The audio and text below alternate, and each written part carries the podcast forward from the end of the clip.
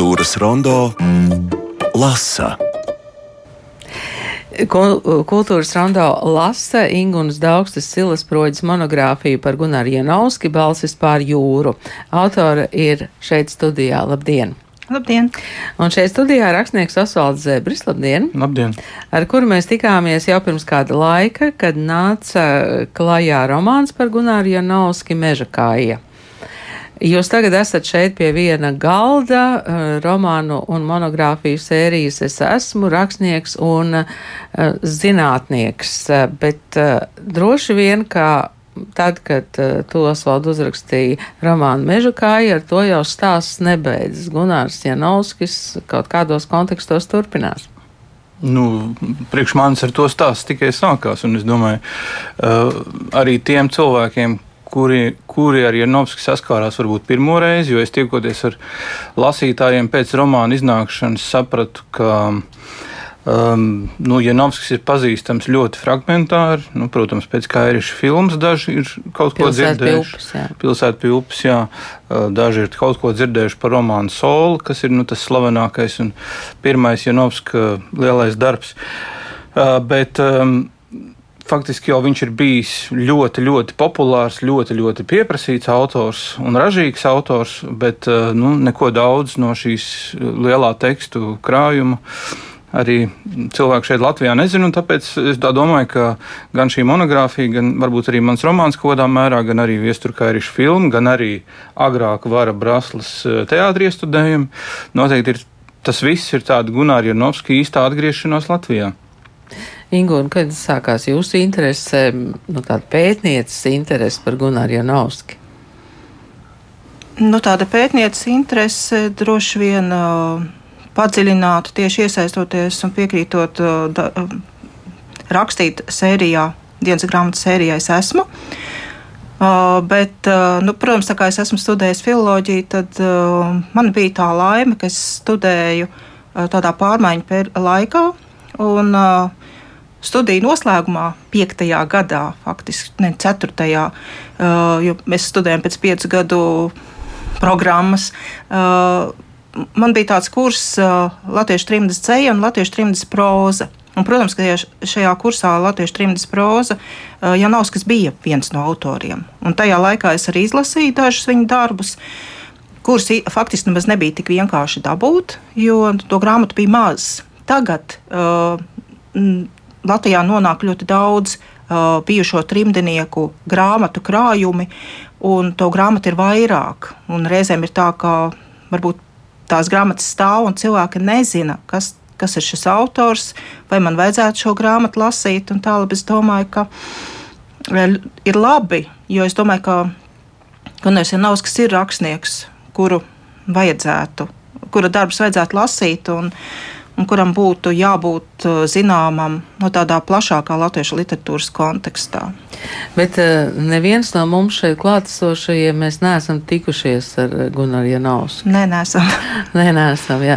Bet, Osvald, tu teici, ka tu viesojies pie viņa atraidnes, jā? Sarmīts, jā. jā. Es šovasar man bija tāda iespēja satikties ar Sarmītu Janovsku Ehrenpreis. Uh, arī Ingūna agrāk viņi ir Jā. tikusies. Un, um, es teiktu, ka um, tā bija ļoti interesanta tikšanās, jo es tikos jau pēc romāna iznākšanas. Tad man jau bija kaut kāds viedoklis izveidojies par Gunāru Janovski. Un, Aprunājoties ar Armītu un arī ar vienu no Gunāra draugiem Anglijā, Krišu Ligera arhitektu, Uh, es teiktu, ka tas viedoklis man mazliet mainījās. Tomēr, jā. jā, bet uh, Vēlreiz pēc tam pārdomājot, es saprotu, ka rakstījis gan es neko savādāk nebūtu. Lai arī es to, teiksim, Janovski mazliet savādāk ieraudzīju nekā lasīdams viņa vēstules, studēdams tādēļ pie rakstām galda. Nu, tomēr dzīvu sarunu ar cilvēku, kas, cilvēkiem, kas ar viņu pavadījuši ilgu laiku kopā, ir, protams, dod pavisam citu skatu. Ingu, un kas bija tas materiāls, kas eh, jums deva visvairāk? Eh, nu, šeit ir vēstuļu saraksti, vai ne? Mm, šeit ir um, vēl daudz, kas, kas bija tas pamatu pamats, no kā jūs varējāt atspērties. Nu, man bija svarīgi uh, rakstīt par rakstnieku Kunāru Janovski un vienlaikus arī par cilvēku Gunāru Janovski. Un arī par viņa dzīvi, ikdienu, kā viņš dzīvoja, ar ko viņš dzīvoja. Un faktiski tieši tā labi arī ir šīs ļoti nu jā, darbietilpīgās avotu studijas, jo saraksts viņam ir liela. Un tieši faktiski tās vēstules arī Uh, kas ir pieejamas. Es nezinu, varbūt ir arī kādas iepriekš rakstītas, bet tās nav nonākušas nekādos krājumos. Uh, aptver to laiku posmu, tad, kad uh, viņš sāk uh, rakstīt Anglijā, kad sāk iznākt viņa pirmās grāmatas. Tālāk uh, šīs vēstules dod uh, ieskatu gan viņa dzīvē, gan to, uh, kā viņš raksta, kāds ir viņa rakstīšanas veids, tad šīs agrās stundas, tad pastaigas. Uh, Tad, ko viņš vēl dara, vai viņš vēl kaut ko strādā, izņemot uh, savus, uh, lau, izņemot savus lauksaimnieka darbus, vai viņš kaut kur brauc, ar ko viņš satiekas, kā viņš jūtās. Un uh, šis vēstuļu materiāls ir bagātīgs, tālāk tas arī, arī nu, iestrādāts, un es zinu, arī Osvalds ļoti daudz ir lasījis, uh, jo, jo šīs vēstules ir uh, rakstītas uh, iegūtiem draugiem, Piemēram, Indru Gubiņu un Anšlā Veglīti, kas ir ilglaicīgi viņa eh, sarakstas draugi, viņš arī nekad dzīvē nav saticis. Uh, ne, ne, ne, nepatiesība Indra Gubiņa, protams, ir saticis, bet Anšlā Veglīti nav saticis. Uh, Un, š, piemēram, ar uh, Indru Gubiņu viņam veidojas saraksts 35 garum, gadu garumā, un šīs vēstules ir vēstule pret vēstuli. Tās glabājas Misiņu bibliotekā, un tās kopumā ir 650 vēstules. Tas jau ir vesels uh, dzīves uh, stāstījums vēstulēs. Un, vai, piemēram, savu izdevēju Helmā Rudzītu, ar ko viņš sarakstījās. Nu, viņš ir saticis uz īsu mirkli tikai Londonā. Uh, un pārējā visa saziņa ir vēstules, manuskripti, kas ceļo vai nu kuģī, vai nu ar, ar lidmašīnu, reizēm noklīst un pēc tam atkal atrodas. Un, uh, es teiktu, ka man gribējās tomēr, lai tā, tas rakstnieks nav tāds. Uh, ka mēs uz viņu raugāmies no attāluma, bet, lai es viņu varētu saprast, man tomēr nu, šis vēstures materiāls man Es nesaku, ka es esmu visu sapratusi, e, un to ir droši vien grūti, jo, jo e, Gunārs Janovskis arī ir no tiem autoriem, kurš saka, ka viņš daudz, praktiski visu, ko viņš ir gribējis, ir uzrakstījis, ka viņš ir rakstījis par to, ko pieredzējis, piedzīvojis un tā, bet te pašā laikā viņš nav atklājies līdz galam, un ir lietas, kuras nav zināmas, kuras acīm redzot viņš nav gribējis e, stāstīt un par kurām runāt. Un, uh, tas, eh, tas, ko es jau esmu jau grāmatas atlaišanā teikusi, ka man šķiet, ka, ka es vismaz sas, saskatu to savu misiju, ja tā varētu teikt, to savu literatūras vēsturnieces vai zinātnieces pienesumu, ka varbūt šī grāmata ieinteresēs lasītāju meklēt Gunārs Janovska grāmatas. Tieši par tieši tālāk, ka ir, ir šīs dzīves, uh, nu, tā, jo ir šie divi paralēlie stāsti, dzīve un dairadi, kas savijas. Nu, tad, uh, Un par to, to dairadu to mēs varam meklēt šīs grāmatas un lasīt. Jūs pieminējāt vēstules, tās ir tās vēstules, kas ir, ja mēs varētu teikt, dzels priekškara tajā pusē. Bet tad ir vēstules, kas ceļo cauri tam dzels Jā. priekškaram ar Zigmundu Skuiņu. Es lasīju un domāju, nu kā tas bija, vai mums tur ir jālas ļoti daudz nepateiktā zemtekstu, jo es domāju, ka abi kungi apzinājās, Jā. Eh, kā viņu vēstules kāds izlasa pirms tam. Nu, tur ir tā lieta, ka vienā no vēstulēm arī, uh, ko Gunārs Rausks raksta uh, šķiet savai tantei Valijai uz, uz, uz Ameriku, uh, viņš atklāja to, ka viņš sarakstās ar Sigmundu Skuiņu, un viņš tieši pasaka, ka viņu tā sarakstīšanās ir uh, tas veids, kā viņi ko stāsta vai nestāsta, ir tā, lai viens otram nenodarītu pāri. Tādā ziņā, nu, ka viņi apzinās, ka nu, arī Anglijā bija vietums ļoti konservatīva latviešu sabiedrība, kas slimīgi, trimdā, slimīgi uztvēra uh, jebkādu saziņu vai kontaktus, un kur vēl dieztot braukšanu uz Latviju. Nu, tieši tas arī, ka Gunārs Janovskis apzinājās arī, nu, ka Zigmunds Kuņš ir gana zināms un pazīstams un novērtēts autors arī tajā padomju uh, nu, periodā, nu, lai arī viņam nenodarītu pāri. Tad es domāju, ka viņi prata. Uh, uh, sarakstīties tā, ka tomēr tās galvenās lietas izstāstīt. Tikai vai mēs vienmēr to spējam nolasīt, nu, tas ir cits stāsts. Es šajā, šajā monogrāfijā balsts pār jūru izlasīju kādā man šķiet vienā rindkopā vārdus mešs, jūra un, un kājas, un tad es uzreiz arī saslēdzos ar Osvaldu Ramānu Meža kāja. Mm, kā tu paņēmi to nosaukumu Meža kāja? Nu, nosaukums tur jau ļoti vienkārši, jo Janovska tēvs bija ļoti zināms un uh, novērtēts un atzīts kapteinis, tālbraucējs kapteinis. Un, uh, Gunaram arī bija tāds sapnis kļūt par jūrnieku, bet tēvs uh, viņam, uh, viņu tā maigi sakot, no tā atrunāja. Un, un mežs bija ļoti liels stihija Gunaram, esot Anglijā, kur viņš pavadīja daudz brīvu laiku. Bet, um, klausoties Ingūnas stāstījumu un, un, un, par, par, un arī pār, atceroties šo sarakstu, ko es arī kādreiz lasīju, man šķiet, ka, protams, ka Gunārs Janovskis nekad tā visdrīzāk nedomāja, kāda būs mana misija kā rakstniekam, bet gal galā atskatoties, man šķiet, ka tas ļoti lielais viņa devums ir bijis nu, tās nepārtrauktās Latvijas atgādināšana. Latvijas ne, valstiskumu nepārtrauktību, par ko mēs ļoti daudz esam runājuši un ļoti pareizi, ka esam to uzsvēruši kopš neatkarības atgūšanas, man šķiet, ka nu, diezgan neapzināti droši vien, bet viņš ir bijis viens no tiem autoriem, kas trimdas sabiedrībā uzturēja dzīvu ideju par nepārtrauktu Latviju. Un, kā mēs šodien arī to zinām, tad trimdas latviešu bija zināms spēks ceļā uz neatkarības atgūšanu, protams. Un Gunārs Janovskis, kā ļoti pieprasīts un populārs autors, um, es domāju, ka bija ļoti dzirdama balss, kur atgādināja par to, kāda mēs bijām un kāpēc mēs vairs tādi neesam. Un viņam kabatā bija Latvijas pases arī Anglijā dzīvojot.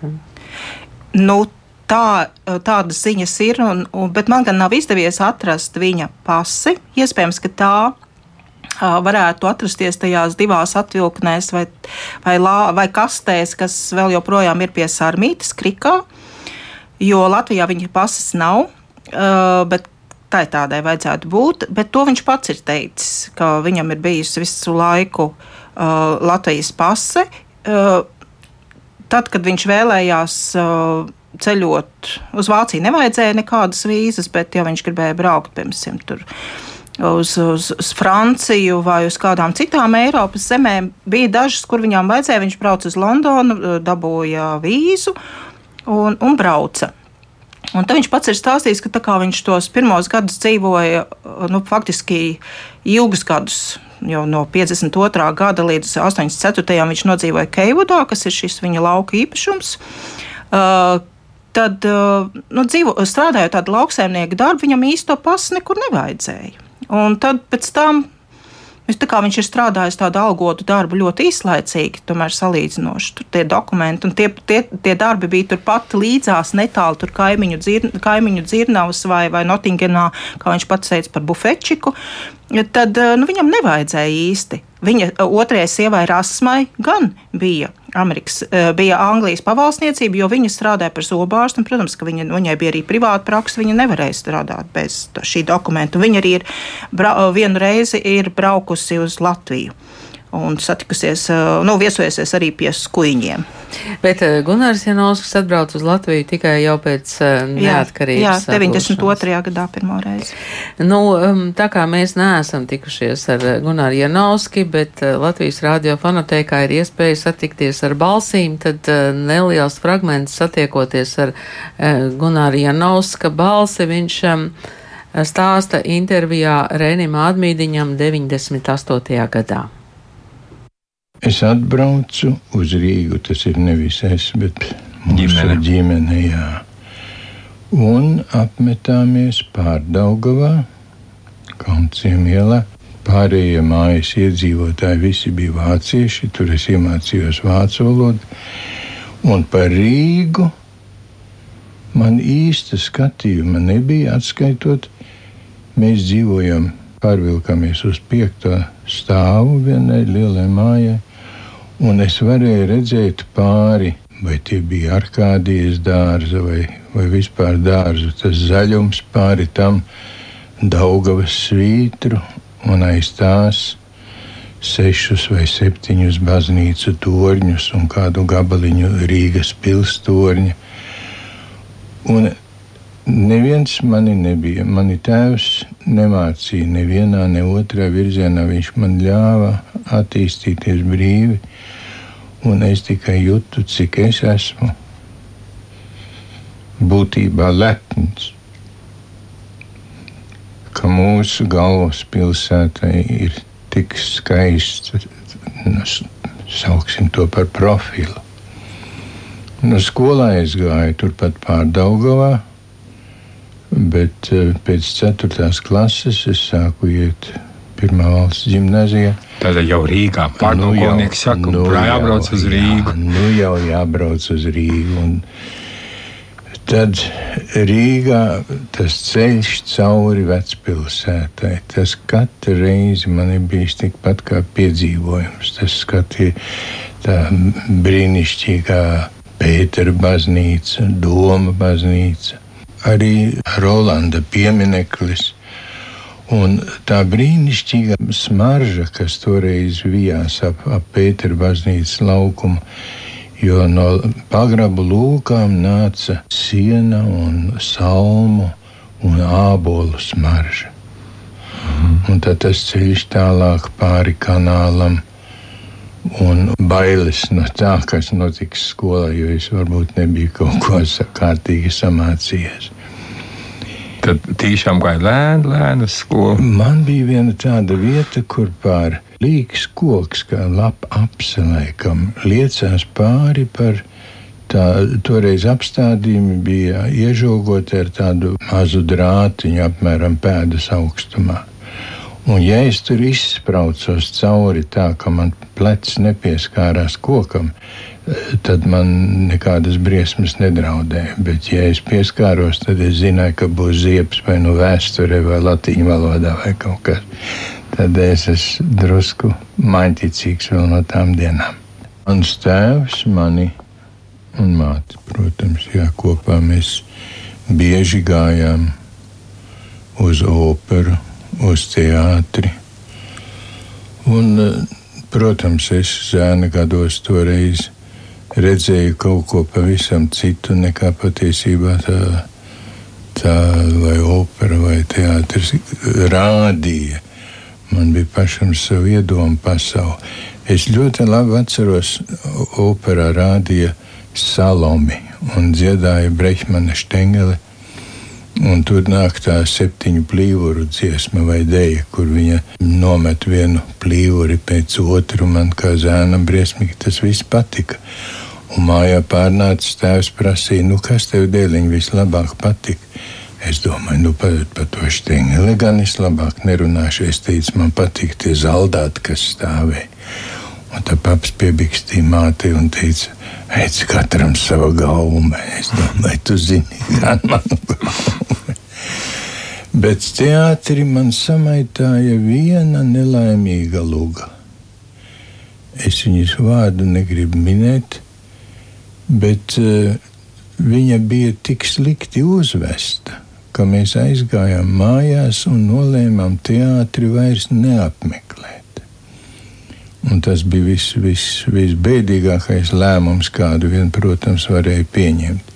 Jo es šo pašu lugu esmu redzējis tagad Anglijā, labu aktieru izpildījumā, un tā ir lieliska luga.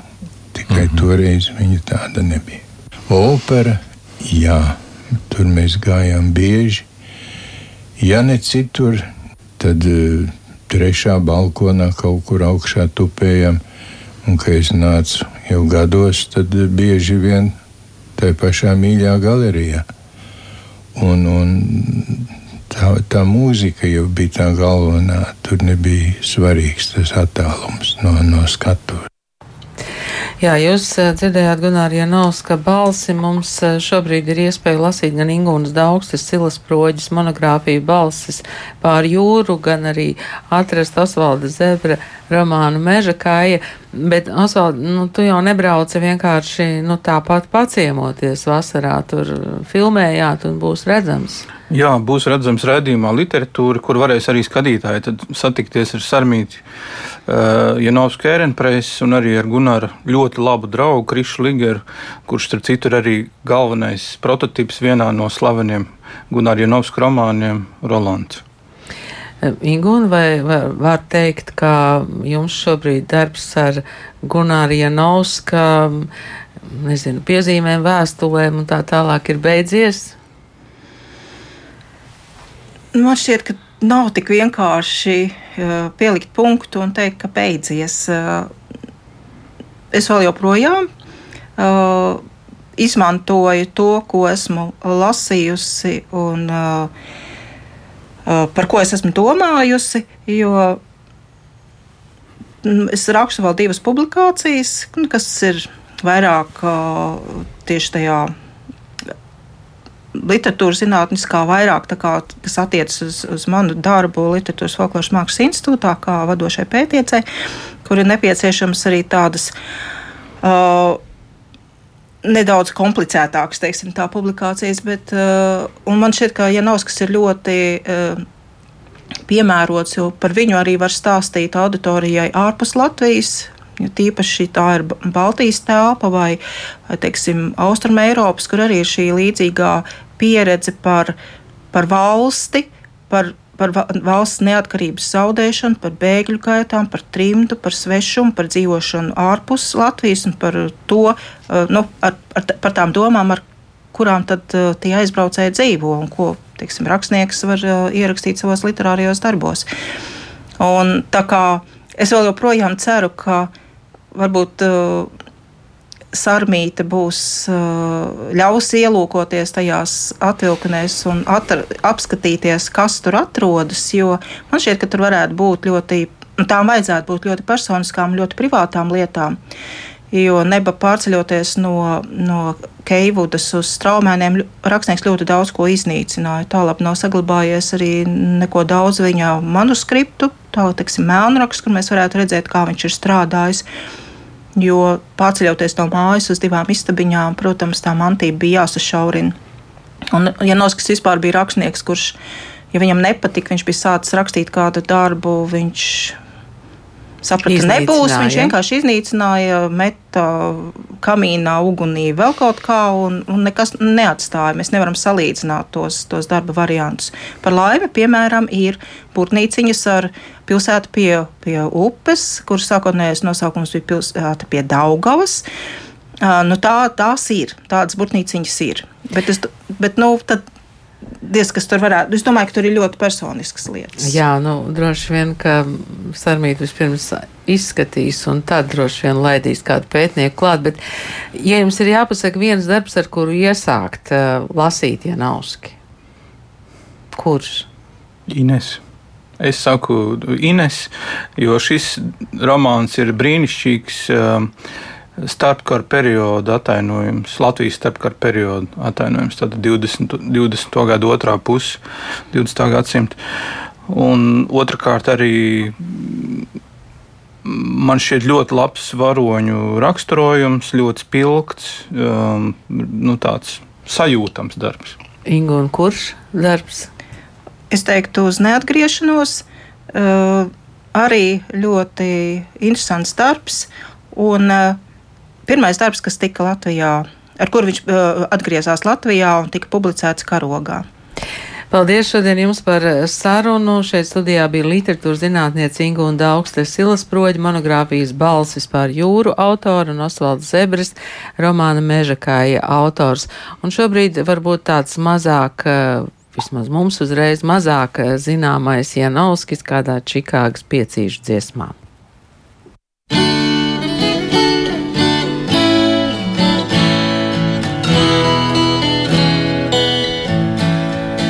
Mans brālis mīl, ko sauc par mūsu zemi, Un kā reiz vecais tēvs, viņš atkal klaušās iet.